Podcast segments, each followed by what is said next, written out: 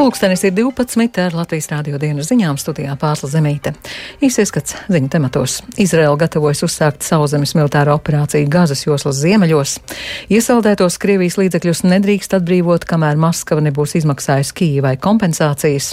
Labo darbu nedēļā paveikti jau 200 darbi, tajos iesaistījušies vairāk nekā 7000 dalībnieku.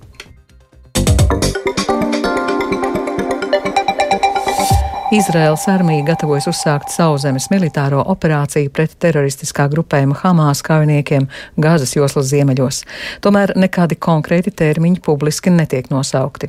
Izraels armijas runas vīrs pulkvež leitnants Jonatans Konkrikus šorīt brīfingā apgalvoja, ka Hamas neļauj Gāzes ziemeļu daļas iedzīvotājiem pamest savas mājas. Viņš vēlreiz aicināja Gāzes ziemeļu daļas iedzīvotājus doties uz dienvidiem, kaut arī šādu prasību kritizē gan apvienoto nāciju organizācija, gan Eiropas Savienība. Savienības augstais pārstāvis ārlietās sakot, ka to ir gandrīz neiespējami izpildīt.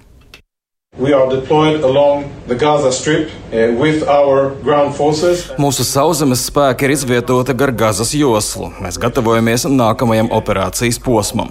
Mēs atkārtoti aicinām Gazas ziemeļu daļas iedzīvotājus doties uz dienvidiem un ieklausīties mūsu brīdinājumos.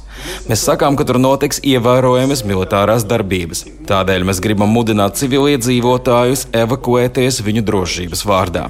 Es uzskatu, ka ir nosodāmi tas, ka Hamas neļauj šiem cilvēkiem evakuēties. Tā Izraels armijas pārstāvis. Krievijas spēki turpina uzbrukumu Avdijevkai Donetskas apgabalā, un arī šorīt Ukrainas armijas vadība ziņo, ka uzbrukumi atvairīti. Kopumā pagājušajā diennaktī frontē notikušas 60 militāras sadursmes. Iesaldētos Krievijas līdzekļus nedrīkst atbrīvot, kamēr Maskava nebūs izmaksājusi Kīvai kompensāciju. Savukārt ienākumus no šo līdzekļu pārvaldīšanas jau tagad būtu jāvirza Ukrainas atbalstam. Tādu vienošanos ir panākuši G7 valstu finanšu ministri un centrālo banku vadītāji, kuri aizvadītajās dienās tikās Marākešā, Marokā. Eiropas komisijas priekšsētājs izpildu vietnieks Valdis Dombrovskis arī piedalījies šajās sarunās. Sarunā Latvijas radio viņš pauž gandarījumu, ka beidzot jautājumā par iesaldētajiem Krievijas aktīviem ir vērojams progress. Jāatzīst, ka pozitīvi tas, ka nu, šie jautājumi pašreiz tiešām virzās uz priekšu, jo iepriekšējos daudzus mēnešus bija nu, daudz diskusiju un arī nebija vienprātības, vai šie Krievijas aktīvi ir izmantojami Ukrainas atbalstam, kādā tieši veidā, ka pašreiz gan pašreizējās diskusijas G7 līmenī, gan darbs, kas notiek Eiropas Savienībā, tomēr parāda pirmos praktiskos risinājumus šajā jomā. Šonedēļ Beļģija jau pieņēma arī pirmos konkrētos lēmumus šajā sakarā, novirzot šādu veidu ienākumus Ukrainas atbalstam. Polijā šodien notiek parlamenta vēlēšanas, kurās par uzvaru cīnās valdošā Nacionāla konservatīvā partija Likums un taisnīgums un zem pilsoniskās koalīcijas nosaukuma apvienotās opozīcijas partijas. Šiem politiskajiem spēkiem ir atšķirīgs redzējums par Polijas nākotni. Likums un taisnīgums stingri aizstāv tradicionālās vērtības, bet pilsoniskā koalīcija iestājas par iekļaujošāku sabiedrību. 29 miljoniem balsts tiesīgo polijas pilsoņu tagad ir jāizlemj, kas nākamos četrus gadus vadīs viņu valsti. No Polijas ziņo Uldis Česberis. Pēdējās aptaujas rādīja, ka likums un taisnīgums un pilsoniskā koalīcija katra varētu saņemt aptuveni 30% balsu. Likums un taisnīgums pie varas ir astoņus gadus, un šajā laikā partija ir īstenojusi konservatīvu sociālo politiku, piemēram, mēģinot panākt gandrīz pilnīgu abortu aizliegumu. Partijas politiķi regulāri ir nākuši klajā ar naidīgiem paziņojumiem par seksuālajām minoritātēm. Valdošajai partijai pārmet tiesu sistēmas neatkarības vājināšanu un sabiedrības sabiedrisko mediju pārvēršanu par savu ruporu.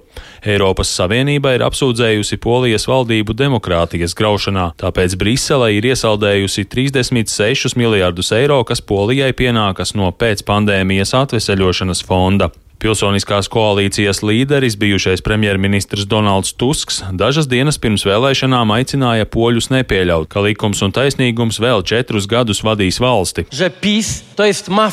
Likums un taisnīgums ir mafija, zāģļi, kas aplaupīja Poliju un poļus.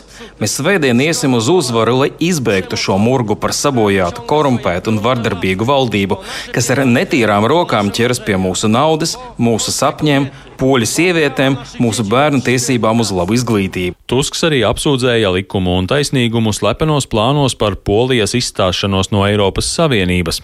Likums un taisnīgums līderis Jaroslavs Kačīnskis brīdināja, ka opozīcijas uzvara vēlēšanās nozīmētu beigas visam, ko ir sasniegusi pašreizējā valdība. Vai viss, kas astoņu gadu laikā ir iegūts, tiks saglabāts, vai arī to atņems un iznīcinās? Tie ir konkrēti jautājumi. Pirmkārt, lēmums, ka mēs valdīsim Polijā vieni, bez Berlīnes, bez Maskavas. Jums ir jāiegaumē viena lieta. Šodien balsojums par jebkuru opozīcijas partiju būtībā nozīmē balsojumu par Tusku. Neļaujiet sevi apmuļķot. Valdošā partija pirms vēlēšanām uzsvēra, ka tikai tā spēja aizsargāt Poliju no militāriem draudiem un masveida imigrācijas. Vienlaikus ar vēlēšanām notiks arī referendums, kurā pilsoņiem būs jāatbild, vai viņi atbalsta Eiropas Savienības plānu migrantu uzņemšanai un uz robežas ar Baltkrieviju uzbūvētā žoga nojaukšanu. Laikraksta gazeta Viborca žurnālists Bartošs Šveļinskis Latvijas radio sacīja, ka Polija nevar atļauties vēl četrus gadus ar likumu un taisnīgumu pie varas. Ja likums un taisnīgums uzvarēs, tad viņi piebeigs brīvus medijus. Mēs esam atklājuši tik daudz skandālu skandālu, kuros viņi ir iesaistīti. Viņi piebeigs tieslietu sistēmu. Viņi arī ierobežos zinātnisko brīvību un izmainīs skolu mācību programmas, lai audzinātu jaunus polijas pilsoņus, kuri būtu patriotiskāki. Vienzimuma pāru tiesību aizstāvis Huberts Sobeckis intervijā Latvijas radio atzina, ka viņš uz šodienas vēlēšanām neraugās ar lielām cerībām. Lielākā opozīcijas partija bija pie varas gadiem, bet viņi mūs pilnībā ignorēja. Protams, tas nenozīmē, ka es atbalstu likumu un taisnīgumu vai negribu, lai uzvar opozīcija bet man ir grūti uzticēties jebkurai no partijām. Ja likums un taisnīgums uzvarēs un izveidos valdību kopā ar ultranacionālistu partiju konfederācija, tad tā būs pilnīga katastrofa. Viņi iegūs sajūtu, ka viss ir atļauts. Ja uzvarēs opozīcija, tad es nezinu, ko viņi varētu izdarīt mūsu labā. Domāju, ka daudziem viņu vecās paaudzes politiķiem mēs joprojām esam kā karsts kartupelis, no kura vajag atbrīvoties. Ir grūti prognozēt, kāds būs vēlēšanu iznākums, bet eksperti uzskata, ka šoreiz liela nozīme būs tam, kurš politiskais spēks ieņems trešo vietu, jo maz ticams, ka uzvarējusī partija iegūs absolūto vairākumu parlamentā. Uldis Česberis, Latvijas radio no Varšavas.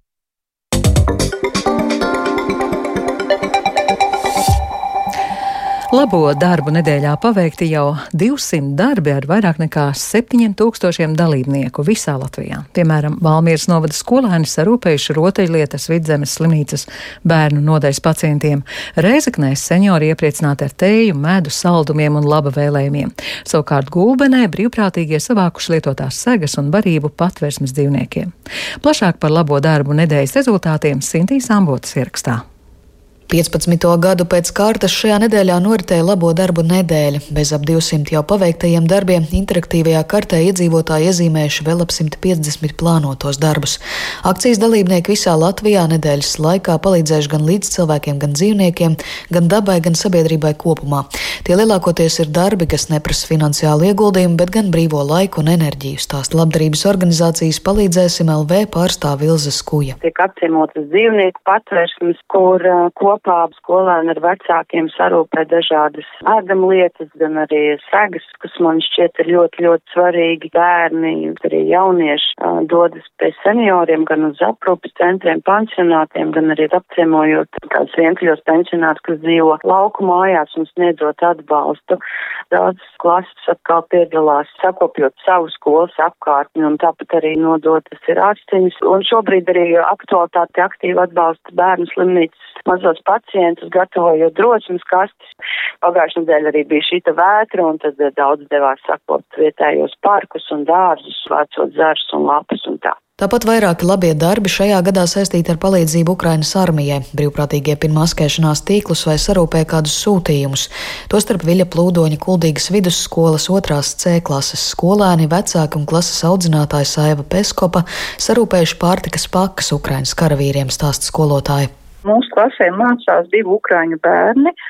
Un vienas meitenītes māma, viņai ir iespēja nogādāt tieši Ukrainas karavīriem mūsu sūtījumu un sākām vākt ziedojumus. Konservi, tādi ātri atverami, enerģijas batoniņi, kādus siltus zeķes vīriešu. Nolēmām, ka nedrīkst tomēr aizmirst eh, par Ukrainu. Bērni bija ļoti atsaucīgi un mums tieši bija tajā brīdī latviešu valodā stundas tēma, plakāts un afiša pēc tam eh, zīmējam apsveikums Ugraņu karavīriem. Nu, un tā mēs savācām šo sūtījumu un 12.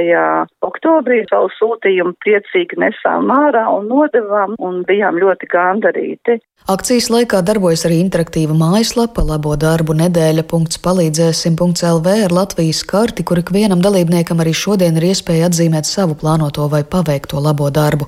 Pagaidām aktīvākā iesaista bijusi grobiņā un gulbenē, taču akcijas rīkotāji aicina labos darbus veikt arī visa gada garumā. Tas, ko es varbūt vēlētos uzsvērt, pats svarīgākais šobrīd arī lasot, un daudz arī raksta, ka labo darbu nedēļa noslēgusies, un tas nebūtu nenozīmē, ka labais darbs ir jābeidz uh, darīt uh, šodien, ka tas viss turpinās un brīžiem nevar saprast, kurš ir varbūt lielāks ieguvējs, tas, kurš veic šo brīvprātīgo darbu vai tam, kuru atbalsta. Un tas ir tāds jēgpilni, ar pozitīvām emocijām aizpildīts laiks, kur es aicinātu ikvienu pamēģināt kaut vienreiz. Pērn labo darbu aicinājumam atsaucās teju 16 tūkstoši cilvēku, paveicot vairāk nekā 300 labos darbus Latvijā un šogad prognozē līdzīgu aktivitāti.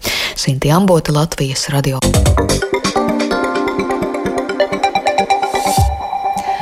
Startautiskā olimpiskā komiteja šodien uzsāks savu ikgadējo sesiju. Latvijas hokeistiem aizvadītajā naktī mainīgas sekmes Nacionālajā hokeja līgā, bet zemgales hokeisti noslēgs kontinentālā kausa izcīņas otro kārtu. Par galvenajiem notikumiem sportā stāsta Māris Bergs. Latviešu basketbolists Artūrs Žagars iespējams iedzīvojies smagā ceļgala traumā. Dodoties cauri gājienā vakardienas spēles papildu laikā, Žagars groza tūmā saskrējās ar pretspēlētāju un nedabiski izgrieza ceļgalu, viņam pēc tam paliekot guļam uz laukuma ar acīm redzamām sāpēm. Basketbolists laukumu pamest saviem spēkiem nevarēja un pašlaik nav pilnīgas informācijas par traumas nopietnību. Nacionālajā hokeja līgā Uvis Balinskis un Floridas Panthers šonakt izbraukumā ar 4-6 zaudēja Vinipēgas Džets. Palīnskis laukumā pavadīja 13 minūtes 40 sekundes, izdarot vienu spēka paņēmienu un vienu metienu, bet punktus neguva un viņam neitrās liederības koeficients. Sezonas pirmā uzvara Kolumbusas Bluežakets, kas ar 5-3 uzvarēja Ņujorkas Rangers. Elvis Merķikins spēlēja pirmos divus periodus un atvairīja 24 no 25 pretinieku metieniem, bet trešajā periodā laukumā viņš nedavās. Bluežakets informēja, ka Merķikins ir apslimis. Uzvara vēl jāgaida Buffalo Sabres, kas šonakt panākt ar 2-3 piekāpās Ņujorkas Islanders. Starptautiskās hokeja federācijas jeb IHF kontinentālā kausa izcīņas otrajā kārtā smagu uzvaru vakar izmocīja Zemgala LBTU komanda, kas ar 2-1 pieveica grupas nominālos pastarījušus Liežas Bulldogs. Šodien turnīra noslēdzošajā spēlē Zemgala septiņos vakarā spēlēs pret Celja hokeistiem. Starptautiskā olimpiskā komiteja šodien Indijas pilsētā Mumbejā uzsāk sesiju un tiek gaidīts, ka iespējams tiks pieņemts gala gala lēmums par Krievijas un Baltkrievijas sportistu dalību Parīzes Olimpiskajās spēlēs neitrālu sportistu statusā. Šis lēmums tiek gaidīts jau vairākus mēnešus, bet, kā saka Latvijas Olimpiskās komitejas ģenerālsekretārs Kāras Lēnieks, to var nākties gaidīt vēl ilgāk. Mans sajūts ir, ka eh, vēl nekāds gala lēmums nebūs. Nevienā, ne otrā virzienā. Kāpēc tā? Nu, tā vismaz eh, valstis par to runā, kad nav sajūta, ka būs kaut kādas asas kustības. Indijas premjerministrs Narendra Mori tikmēr apstiprinājis, ka valsts plāno pieteikties 2036. gada vasaras olimpisko spēļu sarīkošanai. Interesi sarīkot šīs spēles izrāda arī Meksika, Indonēzija, Turcija un arī Polija. Par sportu šobrīd man tas arī viss.